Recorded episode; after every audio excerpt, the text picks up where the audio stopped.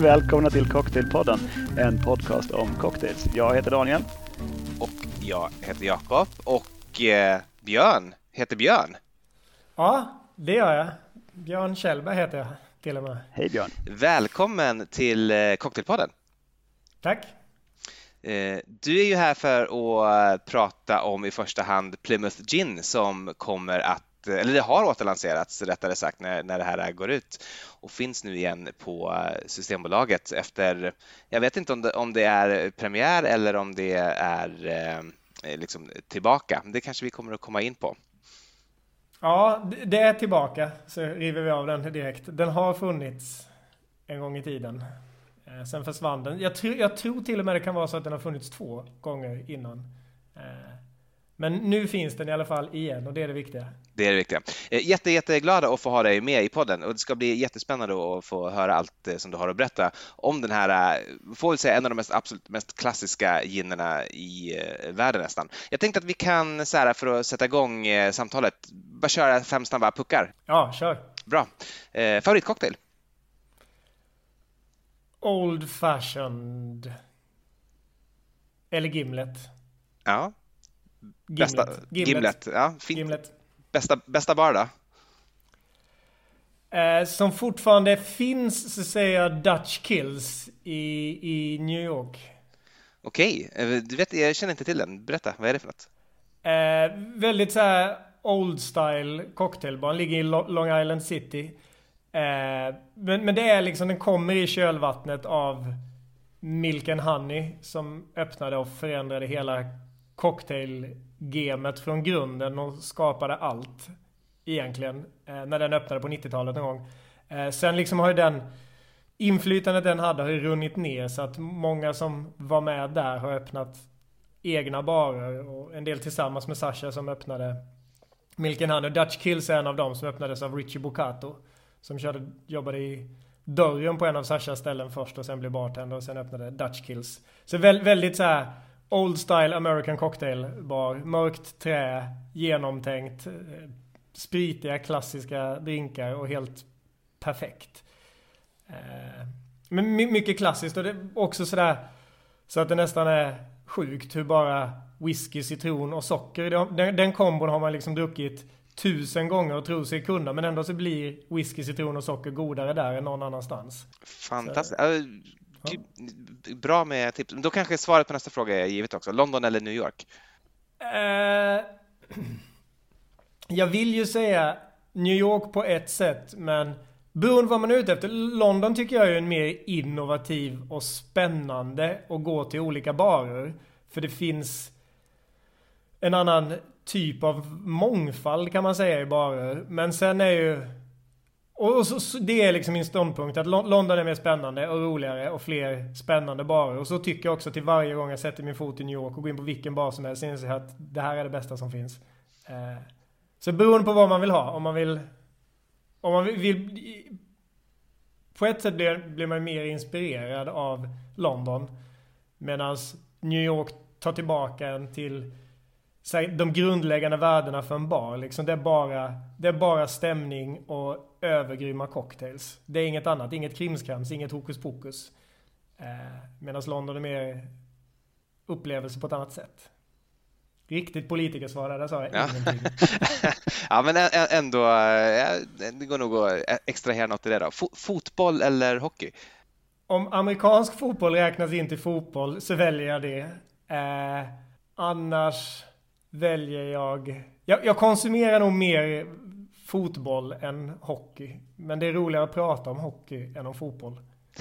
Du, du har liksom en så här, vad heter det, backup för, för alla? Ja, ja, jag har det för allt. Men jag tror det är för att eh, jag umgås, i alla synnerhet sista tiden, kanske för mycket med norrlänningar. Och där är hockey någon slags religion. Eh, så det är nog med att jag har fått massa influens av hockey på sista tiden. Så det är nog med det. Men så här, Hockey-VM till exempel tittar jag överhuvudtaget inte på medan två dagar in i fotbolls-VM så kan man ju vet så här, Kroatiens startelva och avbytarbänk utan och innan. Eh, så det blir nog fotboll då. Sista frågan då, och då är det dricka hemma eller dricka ute? Dricka ute, lätt. Bra, det var resolut. Det Då- summerar väl personen Björn tror jag. Jag, jag tror Ja. det. Men, men du kan väl ändå eh, fortsätta med att eh, köra lite eh, snack om dig själv, eh, vad du har för bakgrund och eh, vad det är du gör nu egentligen. För du, du är väl brand ambassador, eller hur? Ja, Eller? det är jag. Jo, jo, jo, jo det är jag. Det, i, I kort så är jag det. Då kanske du lite snabbt kan bekräfta bara om är samtliga brand ambassadors där ute bartenders som inte ville stå upp längre? Me, merparten är det. Skulle jag nog säga. Eh, det, fin, det finns några få undantag som kommer från in på ett bananskal eller från, från andra håll. Men de flesta av oss är det nog så. Sen blir man ju också, inser man ju ganska kort att man sitter ju ner ännu mindre. För det blir liksom, man tänker att det ska bli det bästa av två världar men det blir liksom det sämsta av två världar. Fast på ett väldigt bra sätt. Jag, jag tycker jag trivs väldigt bra att göra det men istället för att ha en fast bar så har du istället alla barer i hela Sverige som det måste vara i. Eh, samtidigt som du måste göra massa kontorssysslor. Eh, så ja, det, det, det backfirar inser man ganska fort men på ett ganska roligt sätt. När man väl hittar, hittar tricket så är det bara kul. Eh, Men hur kom du in på, på det här då? Ja, jag, jag började, om, om vi börjar från början så började jag jobba krog, tror jag, i, jag tror det var i januari eller början på februari 2002 i Växjö i Småland, där jag kommer ifrån. Eh, så där började jag liksom den traditionella gammaldags långa vägen. Så jag började som diskplockare på en nattklubb. Eh, och sen började jag i disken och att städa restaurangen som hade till nattklubben som heter, heter PM och vänner. Eh, och sen gick det därifrån. Sen så började jag köra baren på nattklubben och sen började jag köra baren och servisen ner på restaurangen. Eh, och sen rullade det liksom bara på. Och sen kände jag mig väl rätt klar i Växjö så då flyttade jag till Malmö och fortsatte där och jobba bar. Eh, och sen flyttade jag till Stockholm för att liksom fortsätta utvecklas egentligen som bartender.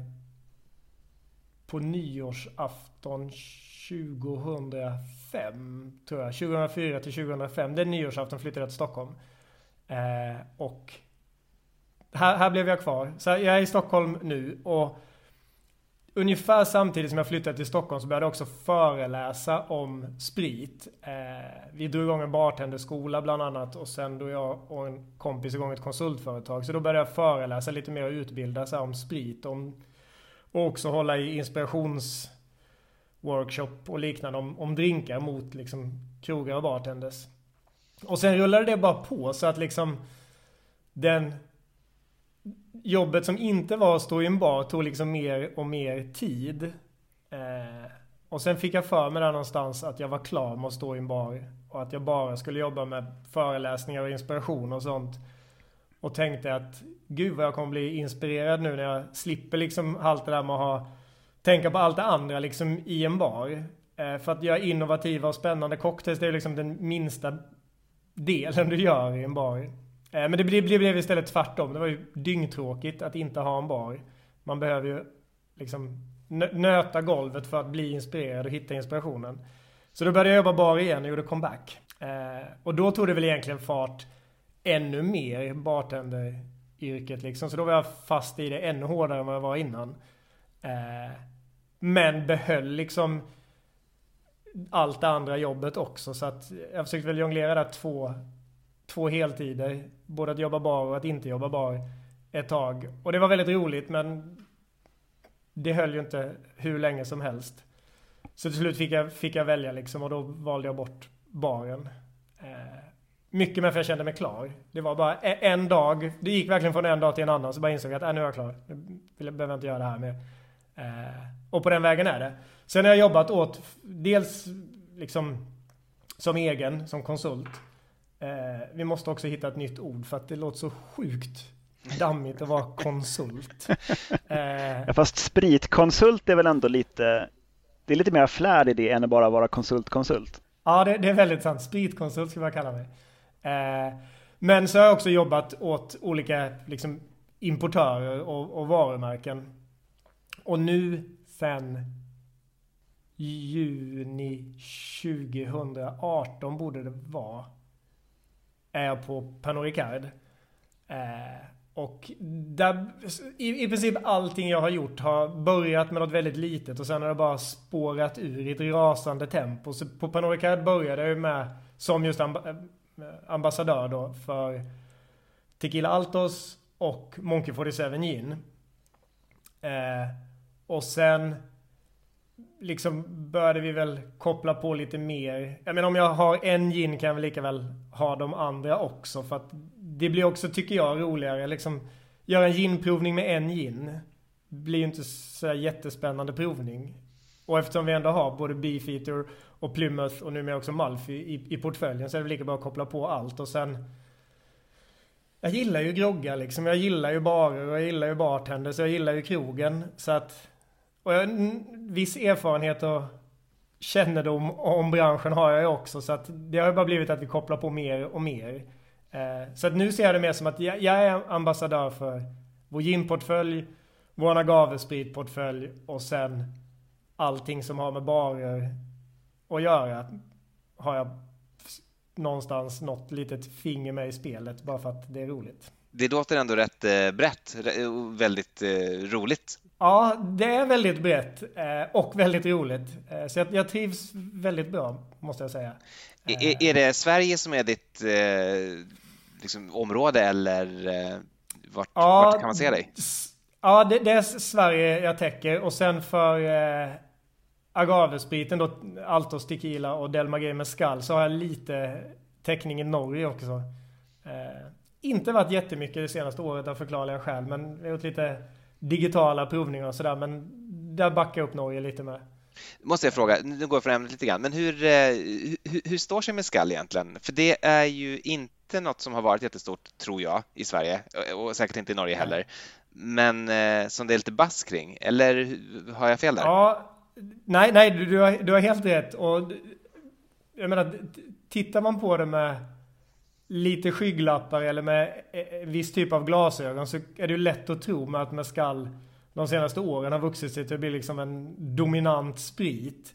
Eh, men, men Mescal är ju ingenting. Alltså det, det pratas ju mer om det i barkretsar och mat och dryckesnördkretsar liksom än vad det säljs. Och, men samtidigt, det är ju också början, även om Mescal är en urgammal sprit så har det ju liksom inte funnits på den större radarn och utanför de producerande kulturen speciellt många år. Men produktionen har ju vuxit från 700 000 liter totalt för 10 år sedan till 7 miljoner liter förra året. Så att det växer så det knakar men fortfarande 7 miljoner liter för alla producenter kollektivt att jämföra med Absolut Vodkas 200 000 liter om dagen till exempel. Det säger rätt mycket om hur pyttelitet det är. Eh, men, men det växer. Det växer. Tar inte alla gaven slut någon gång? alltså tar, den tar väl lång tid att växa tänker jag. Det är väl en ganska lång cykel på den där plantan. Ja det är det. På de som växer lite snabbare som man använder mest tar mellan 7 till 10 år. Så att ja det är en ganska långsam cykel men man ska jämföra med, med vodkans potatis liksom. så är det en ganska stor skillnad. Men vi, alltså, vi får nästan återkomma till mescal i, eh, i ett annat avsnitt känner jag. För att men, du är ju någon slags mescal-orakel för Sverige. Så det, det ja, återkommer jag jättegärna till. Till exempel varför Systembolaget nu bara har en Del Maguey istället för eh, tre som de hade förut tror jag. Ja, det, det, vi kan återkomma ja, till. Kan, Tyvärr kan vi inte skylla det på Systembolaget, det får vi ta på oss. Men eh, det tar vi i nästa avsnitt. Vi lämnar det som en cliffhanger här. Precis. Men eh, då vänder vi oss till, eh, eh till återkommaren då. Eh, the comeback kid får man säga. Plymouth Gin som har kommit tillbaka på Systembolaget. Ja. Ehm, och där, jag har en fråga direkt faktiskt. Eh, som jag tidigare när vi har haft Plymouth med i, i podden i olika recept. Det är det är ganska vanlig gin att bli namnad i gamla recept. Alltså recept från tidigt 1900-tal så ja. är det vanligt att man säger att det ska vara Plymouth och ingenting annat. Men vad är det som, vad är det som verkligen gör Plymouth annorlunda från en London Dry? Om det är så att det faktiskt är någonting som är annorlunda, annat än bara kommer från Plymouth. Ja, det skulle jag nog säga att det är någonting som är annorlunda. Sen om, om vi bara jättekort sammanfattar varför och hur, hur, hur Plymouth blev Plymouth liksom så... Och li, lite så här, Jag vet när så här bartenderyrket började bli en grej igen och började bli stort igen någon gång så här, i början på 2000-talet kan vi väl säga för enkelhetens skull. Och det började liksom bli, folk började kunna livnära sig på att hålla seminarier om sprit och cocktails. Och alla bartendermässor och sånt där föddes. Men liksom så här, första generationen som började utbilda, ja men då pratade man om historien om gin. Och så gick man då till så här att, ja men gin kommer från England men det är ursprungligen från då holländska Genäven. Men till slut var det ju så många som berättade samma historia och hade gjort det så länge så att då behövde man ju någonting nytt. Så då började man liksom gräva längre och längre tillbaka i historien och sen Ja, var det någon som har hittat då att jo men så att krydda sprit med enbär kommer ju från så här, munkarna i Frankrike och sen började alla säga det och sen fortsatte grävandet liksom och nu någonstans har det väl spårat ur fullkomligt liksom så att vi är så här, ja, gin är från du vet Italien och 1200-talet fast på 1200-talet fanns varken Italien eller gin. eh, så, så att, no, no, som, som, jag då ser det, hög, högst personligt är någonstans måste man dra gränsen. Lite som att prata om människan kommer från apor. Eh, beroende på hur man vill se det. Men det är en teori i alla fall. Men aporna kommer ju från någonting och från någonting så egentligen är vi ju alla bara någon amöba liksom. Men det är ju inte så intressant att prata om den evolutionen i så breda lag. Så som jag då ser det så London Dry Gin som är lite definitionen av gin för de flesta tror jag. Sen är det andra, finns det ju varianter liksom men om man bara säger gin, en, en grundgin så är det väl någonstans London Dry konceptet liksom. En torr sprit, enbär i första rummet, citrus i andra och sen en kryddblandning som ger liksom personlighet och komplexitet. Och den typen av sprit som vi känner det, som jag anser det föddes med Plymouth 1793. För att innan dess fanns det ju gin, men det var ju otroligt spretigt och det fanns liksom inte... Det enda det var var att det skulle vara enbär och därigenom också lite bittert. Eh, men det var en stor dryck i England och det var ju så stort så det var ju liksom problem i hela England. Och den kunde se ut hur som helst och smaka lite hur som helst. Och hade ett ganska dåligt rykte. Så när Thomas Coates då bestämde sig för att börja gin i Plymouth så ville han göra gin mer njutbart och göra den till mer liksom rumsren eller elegant dryck. Och göra den till, även om folket drack ju gin fast på ett ohälsosamt sätt. Han vill göra det folkligt på ett, ja, ett rumsrent sätt helt enkelt. Så han började då ändra om lite i receptet och göra den mer njutbar. Och så två, skulle jag säga så här nyckelgrejer han då gjorde i receptet var dels tog han väck, eller dels tog, ja, dels tog han väck alla bittra smakgivare. Eh, och vad är, det, vad är det till exempel som han hade? Mycket så här rötter och olika rötter och sånt men de två nycklarna där var dels minskade han på enbären, konstigt nog. För att enbär massererat i sprit är inte nödvändigtvis jättetrevligt. för enbär så är det, det blir ganska bittert och ganska snabbt för mycket. Och vad man gjorde då var att man la till andra grejer för att försöka parera det. Och då blev det liksom bara mer och mer, blev bara värre och värre. Eh, så han minskade på enbären. För att få en elegant, bara en elegantare enbärston om en framträdande.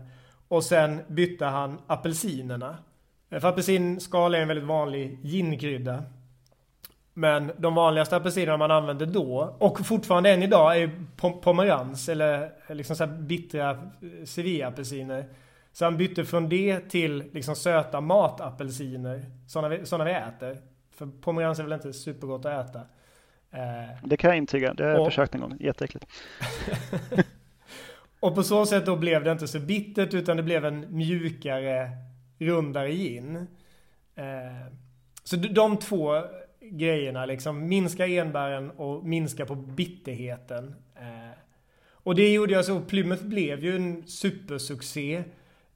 dels på grund av att det var mer genomtänkt, kanske än många andra varumärken av den tiden liksom. Eh, men också fick han draghjälp i och med att Plymouth är ju en viktig stad för brittiska flottan. Både handelsflottan och liksom arméförsvarsflottan. Så han såg ju till att de alltid hade lager av Plymouth på båtarna. På så sätt spred det sig och det hjälpte ju såklart till med att göra det till en succé. Men det gjorde ju då att andra ginproducenter som eh, liksom hade det ändå någon slags kommersiell tanke med att bara nasa ut så mycket som möjligt. Eller någon kvalitativ kommersiell tanke. De började ju liksom ta efter och börja mer få sina recept att likna det Thomas Coates hade gjort med Plymouth. Så det ledde ju då fram till det vi idag definierar som London Dry. Eh, där du har enbär och sen lite mjuka citrustoner och sen en komplexitet. Eh, så man kan väl säga att han strömlinjeformade gin. Eller Plymouth ledde till att gin blev mer strömlinjeformat, att man fick mer en tydligare modell att jobba efter, men att det ska vara enbär och det ska vara bittert. Eh, för det är någon sorts startskott ändå för liksom vad, man kallar, vad man kan kalla för modern gin i så fall. Ja, jag tycker det. Sen finns det säkert folk som kanske tycker annorlunda. Men som jag ser det är det så. För också om man tittar på de liksom stora eller de klassiska både ginhusen så här som Tanqueray och, och Beefeater till exempel. Men också de liksom gamla ginproducenterna som, som så Charles Maxwell i London. Eh, och, och, liknande. Så allt det där kom ju efter Plymouth liksom. Eh, det finns ju inget varumärke som är äldre eller något recept av brittisk gin som är äldre. Som liksom har också varit i kontinuerlig drift eller bruk sen dess. Så som jag ser det är det startskottet på det vi idag känner som gin. Och sen, sen har det ju bara inte hänt någonting förrän typ nu. Nej, för, eh. intressant, för, för det har jag tänkt på, för det har ju blivit en sån jäkla explosion nu och det är ju liksom i alla länder och i Sverige har vi ju, ja Stockholm och Härnö är väl kanske de två stora Eh, och, och, där är ändå, framförallt här nu känns det som att det är ganska klassiska ginner. Eh, även, jag vill inte säga att det inte är innovativt på något sätt, men, men det känns som att de ändå knyter an till en sån, en sån eh, liksom, ja. stark tradition. Jo, man känner igen det. Men om man tänker här, vad heter det, Gin Nord eller vad den heter, den här i Spanien ja. till exempel. Vad är det och liksom, hur står Plymouth i det här landskapet? Liksom, vad, vad, är Plymouth i det här nya landskapet? Eh, om vi knyter an till, till, fem snabba i början, Plymouth är New York. Eh, det, det, det, finns inget innovativt med Plymouth. Eller det innovativa de gjorde, det gjorde de 1793. Eh, sen har de ju inte ändrat någon, på riktigt inte ändrat någonting. De köpte ett par nya pannor någon gång i början på 1800-talet, eller mitten på 1800-talet. Eh, det var väl det. Eh, men ändå så, så står, står det sig på något sätt eh, helt fenomenalt. Och, och jag tror snarare att Plymouth kommer att stå sig ännu bättre nu och framåt än vad det har gjort liksom de senaste 5-10 åren. För att det är gin. Är det är liksom inget, det är inget hokus pokus. Det är inget konstigt. Det är, det är bara en så sjukt stabil gin och du har enbären och du har lite citrus. Inte jättemycket citrus men den finns där och sen har du liksom den här liksom komplexa kryddblandningen som bara är som en ryggrad i det. Jag eh. håller, håller med om det smakmässigt, men jag tänker så här, om man tänker själva brandet, nu är det bara mina högst privata reflektioner där, men för jag ser ändå, när jag tänker på Plymouth så tänker jag mer någon sorts artisanal liksom gin än vad jag tänker ja. Eh, bulk, liksom bruksgin så. Ja, och det är det ju definitivt. Alltså jag menar, det är ju, även om det är ett globalt varumärke så destilleriet är ju inte superstort. Och man har samma gamla singelpannor liksom som har stått där på riktigt sedan 1800-talet som man fortfarande använder. Eh, så det, är ju verkligen så här artisanal och craft liksom kanske i, Det är ju ett sjukt sönderanvänt ord liksom med, med, craft. Men, men det här är ju verkligen, verkligen det. Det är småskaligt. Det är bara det att gin är väl en, eh, gin är en ganska så tacksam sprit för det går att göra, göra liksom hyfsat stora volymer utan att du behöver bli en bulkprodukt som du säger. Eh, så att det, det, tycker jag verkligen att det är. Och allt måste ju, det, det, alla behöver ju inte innovera världen. Det räcker med att några stycken uppfinner hjulet och olika varianter på hjulet. Sen ja, man måste väl ha, ha något att mäta sig mot också. Eh. Ja, precis. Eh, jag kommer ihåg, nu var vi inte det med Plymouth, men det slår mig varje gång jag dricker Plymouth ändå lite samma grej. Jag var på, vad heter det, BCB i Berlin, Bar, Barkonvent Berlin. Europas största så här, sprit och bartendernördmässa. Eh, och det, det här är några år sedan och så provar man massa innovativ gin som är liksom helt fantastisk och sen kommer jag förbi Edinburgh gin som jag också har jobbat med. Och sen bara tog vi en liten, en liten skål i Edinburgh gin och det, det var liksom så här, oj, wow, vilken grej. Och då har jag ändå liksom jobbat med det och jag, jag kan det där brandet men ändå blev det en sån här aha-upplevelse och då slog det mig att det var ju för att det var ju bara gin. Det var liksom en, en ren klassisk London Dry-stil gin. Men då har man provat så mycket liksom mer innovativa saker så att man nästan glöm, glömmer bort det. Och som du säger, man måste ha något att jämföra med. Eh, och det, det är likadant med cocktails med. Det är därför jag sa det Old Fashion. Och det är så lätt att glömma. Eller Dry Martini för att hålla det till temat kanske. Liksom det, det är så lätt i, i dagens superinnovativa och väldigt snabba barvärld så är det så lätt att man liksom glömmer bort hur, hur bra det enkla är. Och vi såg ju samma sak i, i restaurangköken ett tag där i första halvan av 00-talet liksom när det var så innovativt och helt plötsligt insåg alla toppkockar att ja, den här maten är ju kul att laga men det som är godast att äta är liksom så här Biff Rydberg typ. ja, det är, ja men så är det. Men det kanske måste gå i cykler. Jag tänker på något sätt. Ja, gud ja. Men om man, då kan man ju se Plymouth då som, eh, som, som en guldmyntfot helt enkelt. Alltså någonting att kalibrera mot. Alltså när man, när man har en, en gin framför ja. sig som, har, som är kryddad med, inte vet jag, kumquat eller någonting. Och sen så kan man skölja munnen med Plymouth emellan för att liksom komma tillbaka till, till ruta ett och se liksom, okay, vad, vad är det de andra ginerna för någonting egentligen. Ja, det där tycker jag var väldigt fint. Det är en guldmyntfot. Eh, och, och, och så säger jag också, man, man ska inte underskatta det, det enkla liksom. Och sen vad fan byter vi ner det? Det, det är, det är en sjukt bra gin, eller en sjukt bra sprit liksom.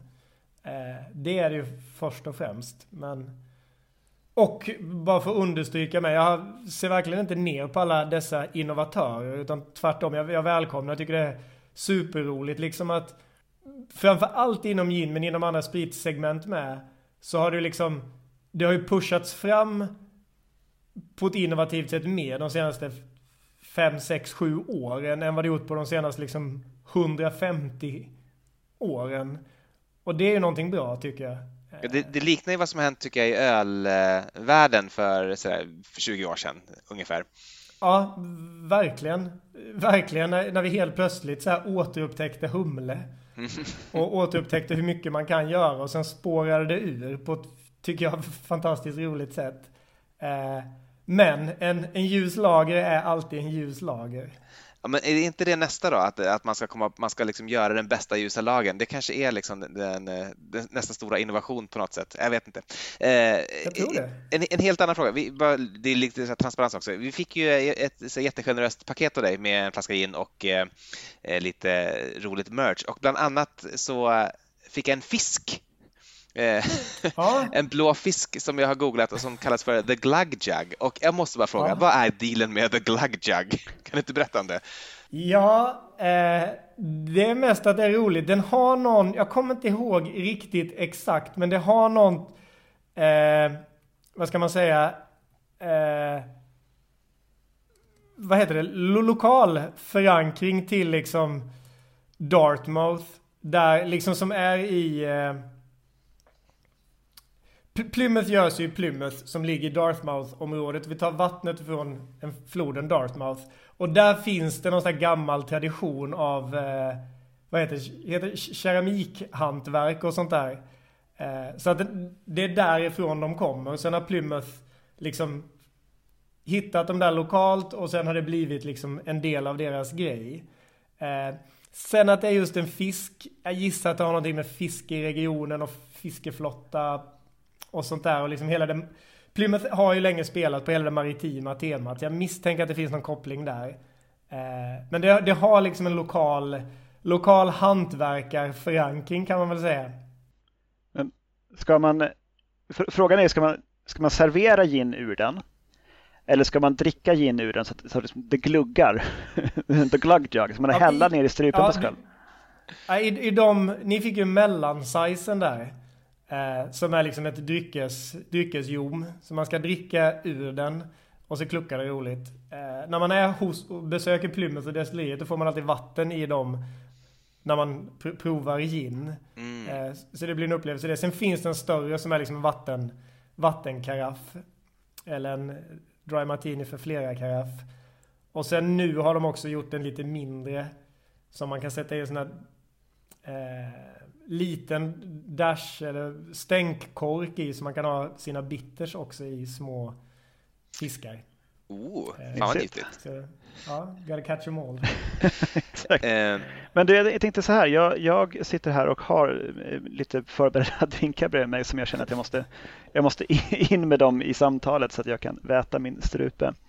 Eh, du nämnde i, inför det här att du ville fokusera lite grann på Dry Martini och på Gimlet. Ja. Är, är det liksom någon tanke ni har att det är genom de drinkarna som, som ni ska liksom hitta tillbaka ut nu när ni finns igen på bolaget? Ja, det, det är det väl ganska mycket. Eh, skulle jag säga. Sen så, såklart så här gin tonic liksom, men den sköter sig själv. Så här, om, om, om en person köper en flaska gin så kommer de förr eller senare göra en gin tonic. Eh, och det är svårt att inno, innovera gin och tonic segmentet 2021. Eh. alla, alla tre miljoner kombinationer har redan gjorts. Ja, li, lite så. Eh, men sen också, sen finns det ju en otroligt lång förankring i både Dry Martinin och Gimlet tillsammans med Plymouth. Eh, så jag menar, Dry Martinins historia i sig, den kan man ju också blöta och stöta och gå väldigt långt tillbaka. Men det mest traditionella eller mest vedertagna spåret är väl att den kommer från drinken Martinez. Som då är söt vermouth och gin och i de gamla recepten en större del söt vermouth och en mindre del gin. Och sen orange bitter och eh, maraschino likör eller curacao. Eller båda två. Det råder lite delade meningar där. Eh, jag föredrar curacao likör. Tror jag. eh, men, men därifrån då tror man ju att det är liksom ur moden till vad vi kallar dry martini. Sen kan du liksom, var kommer martinessen ifrån? Och så är vi på amöba-stadiet igen. Mm. Eh, men, men och, också om man tittar på liksom hur, hur folks smakpalett och liksom vad man drack och vad folk efterfrågade så är det en ganska naturlig utveckling. För att man hade en extremt söt palett innan. Det har vi nu också. Eh, framförallt utanför Sverige. Men man hade en väldigt söt palett. Så det verkar logiskt då med en stor del sött vin. Som i, i, i vermouthen. Och en mindre del gin. Och ginen också på den här tiden. Om vi, vi då är någonstans i liksom mitten eller första halvan i alla fall av, av 1800-talet. Eh, och sen också då med en likör. För jag menar, Maraschino kom ju in i, i barvärlden där. Så det verkar också rätt logiskt att jobba med den. Och då får du ännu mer sötma och sådär. Och sen utvecklas ju paletten liksom till att bli torrare och torrare. Och det, det ser man ju också om man jämför hur så här champagnen som exporterades till USA på det, liksom i början på 1800-talet mot slutet av 1800-talet så var det liksom enorma mängder socker i början på 1800-talet. Sen blev det bara mindre och mindre och mindre och mindre. Men är inte det tror du för att eh, kyltekniken utvecklas så mycket? Att alltså torra drycker är ju goda kylda och varma drycker är ju goda söta. Ja, det har jag aldrig tänkt på sjukt nog. Men det finns ju definitivt en ty tydlig koppling där med, är jag rätt säker på. I takt med att kylningen ökade så ökade också paletten för torrare grejer. Eh, så det, det, tror jag definitivt spelade en ganska avgörande roll. Eh, men om man, om man då tittar så lite senare sett på Martinez. Då är det ju större del gin, mindre del söt vermouth. Och sen började man då troligtvis testade någon att byta ut torr vermouth, eller söt vermouth mot torr vermouth. Eh, likören var med, var inte med. Eh, det finns ju också någon föregångare till Martini som heter Marguerite. Eh, som är torr vermouth, gin och absint. Eh, otroligt gott. Eh, men då i lika delar torr vermouth. Så fortfarande liksom om det liksom sötare sidan. Eh, men sen brukar man då säga att den första så här nedskrivna dry martinin som vi vet som heter dry martini och som görs med stor del gin, liten del torr vermouth. Eh, är från Knickerbocker Hotel i New York och gjordes av en bartender som hette Martini di Arma de Taglia. Och han då, i hans recept så säger han ju Plymouth Gin. Eh, så utan att säga att Plymouth är original i en Dry Martini så kan man ju ändå säga att det är original i den första nedskrivna Dry Martini som ser ut som en Dry Martini så vitt vi vet. Eh, så där finns det ju liksom en koppling. Och sen också få lyfta upp det eh, du sa tidigare där att Plymouth namnges ganska ofta i gamla drinkböcker. Det tror jag också har att göra med att det var ett av de första stora varumärkena. Och det var en typ, alltså den var liksom i en kategori för sig. Och det gäller mycket, tittar man på sprit i, i, i mycket gamla drinkböcker, så till exempel rom, det står, inte så här, det står sällan så här mörk rom, ljus rom, utan det står du vet St. Croix rum, Bar, Barbados style rum, Jamaican rum. För att det var så tydliga. Och samma är det ju lite med gin. För det står ju så här Dutch gin som kanske mer är liksom någon... Mer i gränslandet mellan Genève och London gin. Och så stod, hade du Plymouth gin. Eh, och lite senare så hade du London gin. Så det var liksom en, en egen stil av gin. Eh, så därför tror jag också att den namnges så pass ofta. Det var ett, tidigt ett stort varumärke och det var en väldigt specifik typ av gin. Som stod, var en, det var liksom en kategori för sig själv. Eh, och sen då Gimleten har ju också sin koppling i och med att jag menar brittiska flottan hade, i alla fall för officerarna, hade ju Plymouth som hussprit. Eh, vanliga besättningen fick, fick ju dricka vad de kom över liksom. Så det var ju säkert Plymouth för dem med. De första dagarna när man lämnade London. Men eh, sen var det bara viktigt att fylla på med vilken sprit som helst till dem. Så det var ju brandy och det var rom lite senare när man började härja där borta. Och säkert arrak när du var nere i, liksom i, vad heter det? Sydostasien och där. Så att de drack ju vad som helst. Men Plymouth var, det var liksom det finaste. Och det var husspriten. Och samma då var ju, Gimlet kom ju liksom till i brittiska flottan som ett sätt. Man, man, in, man hade ju enorma problem med skörbjugg.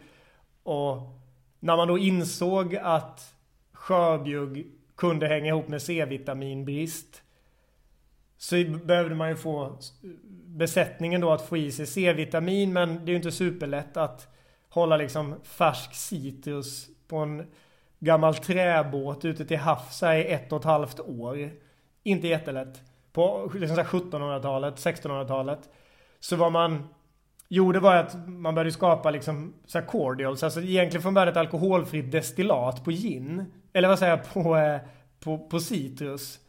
Eh, så man ändå bevarade liksom C-vitaminer och sådär. Det var ju inte så gott så då sötade man upp det och det är vad vi idag ser som en cordial.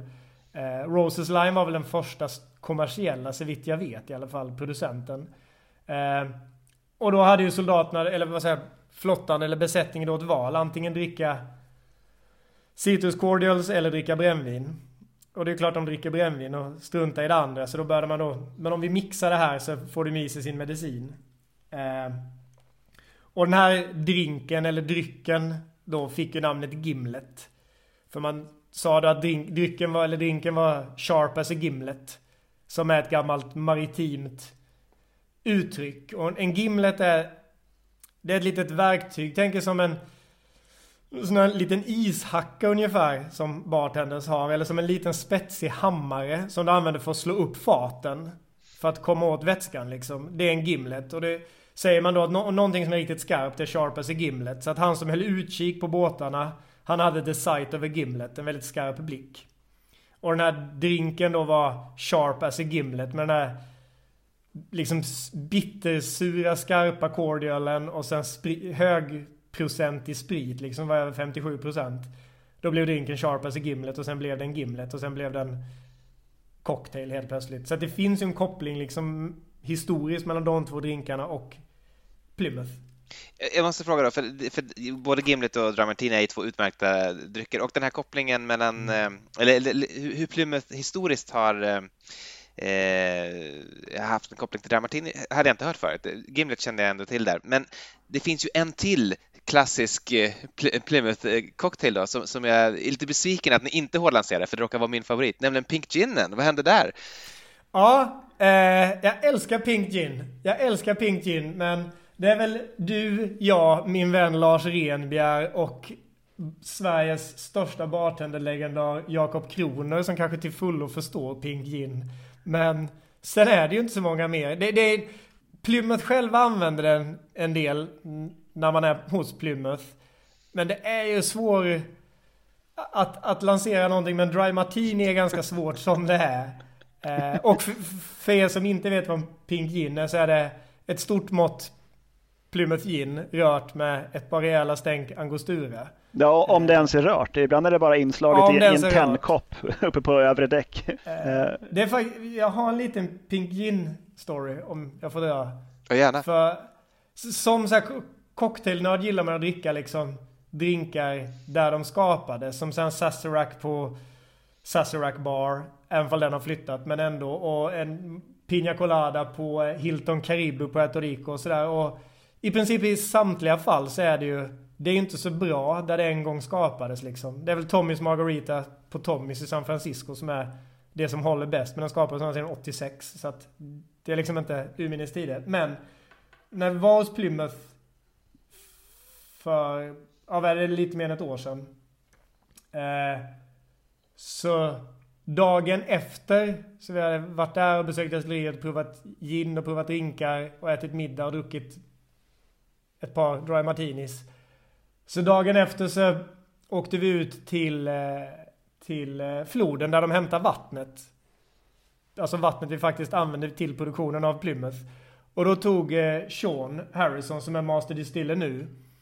Då tog han en flaska Plymouth Navy Strength och hällde upp ett bra mått liksom i, i just en tennmugg. Och sen tog han och fiskade upp vatten direkt från floden. Så det var liksom flodtempererat. Eller vad det heter. Hällde i ett mått i ginen och sen ett par stänk angostura och sen var det bra. Så en perfekt hair of the dog till oss dagen efter. Eh, det tänker jag också är så nära en ursprunglig... Det är en ganska hardcore pink gin och det var sjukt gott. Eh, jag tror det blir svårt dock att sälja den till en större massa men... Ja, i alla fall med flodvatten. Alltså jag, jag minns att när vi i podden så pratade vi om Pink, eh, Pink Gin och jag, jag vet att när jag följde ursprungsreceptet med just Plymouth så upplevde jag det som en betydligt mycket mera njutbar drink än när jag hade gjort den på jag tror jag hade gjort den på Botanist tidigare. Eh, men det var ja. liksom mycket, mycket mjukare och godare. Eh, ty, tydlig eh, skillnad mellan att göra den på en, en, en annan gin. Du ser. Och det, det, det receptet är från Ted Haigs uh, Lost Spirits and Forgotten Cocktails tror jag att titeln är. Jag brukar alltid slakta den titeln när jag försöker Vin säga den. Vintage Spirits and Forgotten ja, Cocktails. Vintage Spirits, precis. Just så. Kanske den viktigaste barboken för modern bartending. Ja, det kan vara det. Alltså det, det är så många drinkar där i som man tittar på nu liksom så här efteråt och bara, men vadå? De här är ju inte försvunna. Vadå, var det aviation liksom? Aviation, ja, exakt. Ja. Men det var ju ett tag där kring så 2010, 2011 någon gång där det gick liksom inte att gå ut i Stockholm, eller det, det är klart det gick, men det var inte så festligt att gå ut och dricka drinkar i Stockholm för att du vet, första baren du gick till, de hade så här sidan 13, 57, 12, 9 och 18 i den boken. Det var deras drinklista. Och så gick du till nästa bar, då var det bara några andra sidor i den boken som var deras drinklista. Och nästa, det var liksom, det var det enda man fick dricka, det var Ted Haigs bok. Jag, jag vet inte om han själv ens är medveten om vilken impact den hade. På liksom, i alla fall bara Sverige. Nej, bra fråga. Otroligt, men den är ju också fantastisk. Så att, om, om, om det ska vara en bok som ska ändå liksom inspirera alla så kan man väl knappast välja en bättre.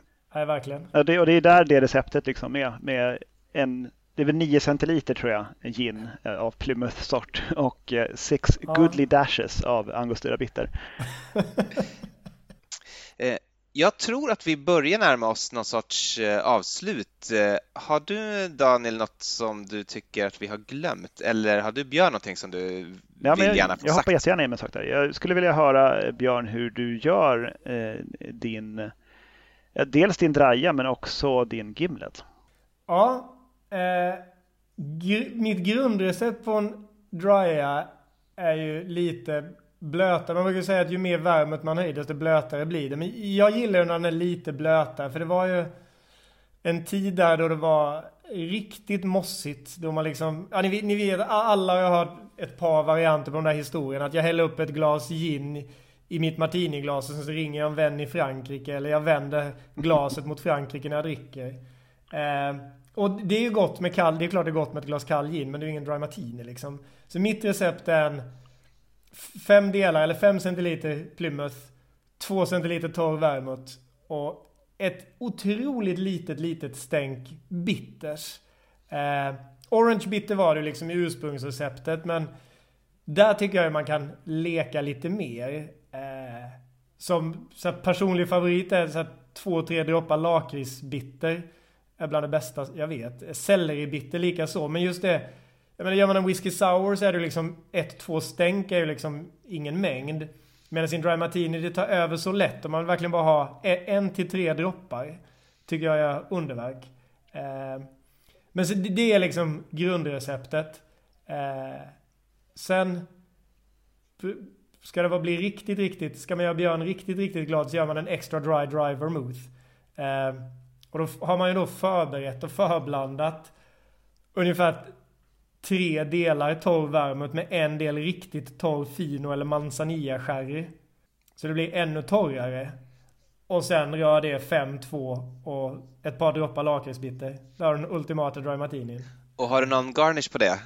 Jag gillar, jag gillar olivgarnish. Eh, för då har man liksom något att tugga på också.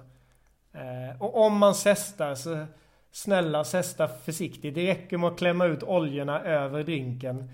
Man, man, behöver inte gnida zesten på glaset. Det, det, blir liksom inte godare. Jag är nästan av, av åsikten att man inte behöver ens klämma oljorna i en draja just, utan att det räcker att bara lägga. Ja, faktiskt till och med det. För det, det är så mycket doft och sådär i, i, i skalen. Eh, så jag, jag, är helt med dig. Eh, sen Gimlet. Eh, egentligen nästan samma, samma mått. 5-2 tungvikt på gin. Eh, och sen Cordial, alltså, ja, Roses må vara original kanske och jag har inget otalt med Roses Lime Cordial men och när, när vi körde en bar som heter Little Quarter så var vår devis kan vi göra det bättre själva och enklare och billigare själva så gör vi det annars struntar vi i det. Det var därför vi aldrig gjorde egna bitters för det går liksom inte att slå angostura. Eh, men däremot göra en egen Lime Cordial är ganska lätt att få liksom höja nivån ganska mycket. Och, så vad jag brukar göra är att skala lime, eller vilken citrus du vill, men nu håller vi oss till lime. Skala lime, pressa limen, så du vet hur mycket vätska du har, eller hur mycket juice du har. Sen tar du samma mängd sock, strösocker som du fick ut juice och blandar med skalen. Så skal och socker, rör ihop det eller bara låter det stå en stund så att det blir klumpigt liksom. Eh, för att oljorna drar ju, eller sockret drar ju ut oljorna liksom ur skalen. Och det är vad man då kallar ett, ett oleosaccharum. Eh, och sen när det har stått ett tag eller du har klumpat ihop det så häller du på limejuicen och sen så bara kallrör du det. Så aldrig, aldrig värma upp det utan bara rör det tills sockret har löst upp sig. Och sen sila bort skalen och sen har du en fantastisk cordial som både har sötma men också har syran och fräschören liksom och parfymen från limen. Och det är väl vad man egentligen i gamla drinkböcker refererar till som en sherbet. Så det. är liksom ingen sorbet. Eh, som jag själv länge, länge, länge trodde. Eh, och ska man göra en riktig old school sherbet då har du också i sån där avkok från eh, eh, djurklövar. Så det blir lite mer textur. Eh, det brukar, jag brukar hoppa över just det, den biten kanske. Kan man inte ta lite gummi arabicum där istället? Ja, det skulle man kunna ha om man nu vill ha den där liksom tjocka texturen. Jag tror det är lättare att jobba och hälsosammare också ur en världslig perspektiv istället för att göra avkok på klövar. Bara för att du nämnde det där med klövarna så kommer det dyka upp någon, någon artisanal cordial fabrik på ja. Söder snart som kokar kalvfötter eller något. det vet vi. Och, ja, och vi vet precis vem det kommer att vara med. Men så, så att gör en cordial själv. Och då kan man också mixa liksom citron, grapefrukt, apelsin. Och liksom skapa egna varianter. Men, men bara lime blir fantastiskt gott. Och sen så bara röra 5 centiliter Plymouth, 2 centiliter sån cordial. Rör det kallt med is och sen så är det klart. Eh, sjukt gott. Jag vill ju propsa på att få Gimlet till att bli en egen drinkfamilj. Sprit och cordial borde vara en familj i sig. Eh, tycker jag. Bra sagt. Innan, innan vi slutar, jag vill, jag vill bara också bara ge ett tips eh, angående Draja eh, som jag tycker funkar just med Plymouth. För Plymouth är så blommig. Jag tycker att lite grann att dofta på Plymouth kan vara nästan som att eh, den här känslan efter ett försommarregn när det är liksom mycket blommor i luften och eh, eh och liksom he, hela, det är liksom fuktigt och blommigt. Eh, och där tycker jag att Rosolio, det vill säga Italicus Rosolio, är något man kan använda istället för en torr vermouth om man vill. Det blir inte alls den här torra känslan såklart, utan det blir en mycket mera sån liksom försommarregnskänsla. Men oerhört njutbar eh, variant som jag vill bara tipsa om. Också dig Björn, om du inte har prövat det. Ja, verkligen. Nä nästan så att vi då, du mergar nästan där Dry Martini och Gimlet. Eh, mm, sant. Snyggt, snyggt. jag tycker ändå, eh, som slutord, jag tycker ni ska köra på Pink Gin. ja, mer Ja, drick mer pink gin. Och sen kan du också prova vår variant vi också hade på Little Court som vi kallar Pinkest Gin. Som var Plymouth och dub, dubbelt hälsosamt mått av Peugeot Bitters istället. Ja, mer, mer pink gin till folket. Jag, jag har ju alltid en, eh, en termos med, eh, som det står, eh, aldrig kaffe, alltid pink gin på. Som Snyggt. ligger i frysen. Så det är bara att hälla upp en, en pink gin när man behöver. Och då i och med att den har legat i frysen länge och väl så kommer den ju fortsätta vara kall väldigt, väldigt länge också ute i, i rumstemperatur. Jag ska hälla ut den i isen där. Och sen så nä nästan blir lite seg också. Ja, ja det ser det. Så nästan flyter ut som sirap här i glaset. Ja, riktigt gott. Ja, det är Där har vi husmorstips eh, som inte går av för hackor. Eh, Björn, om man vill komma i kontakt med dig för att prata om Plymouth eller någonting annat, eh, hur går man tillväga då? Ja, jag vill ju säga min e-postadress, men i och med att ja, Ricard är ett ganska stort företag så är det jättelång så det är bjorn.kjellberg at pernod-ricard.com eh, Så enklast är egentligen att hitta mig på antingen på Facebook, Björn Kjellberg. Eh, det finns några stycken men det är bara en som står på ett berg i Oaxaca i Mexiko och dricker mezcal och en urholkad frukt. Det är jag. Eh, eller på Instagram, bar jag hatar ibland att säga är när jag är smålänning. Bar till grav. Eh, jag är ganska snabb på att svara där, men det är nog de bästa sätten. Eh, sen björn.bottles.se är nog lättare att eh, komma ihåg tror jag för alla. Eh, så någon av de tre är nog säkraste sätten att få tag på mig. Vad bra, då vet ni vad ni ska höra av er om ni eh, vill köpa Plymouth eller Mescal eller bara eh, fråga efter bästa drinkrecepten. Så stort tack för att du eh, tog dig tid att prata med oss. Ja, tack så jättemycket för att jag fick. Sjukt roligt. Jag gillar att prata om sånt här. Skål och eh, godnatt. Skål. Skål och godnatt.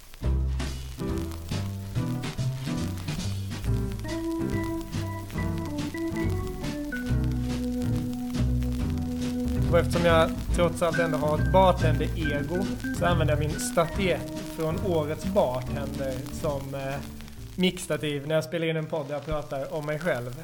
Det känns, det känns bra.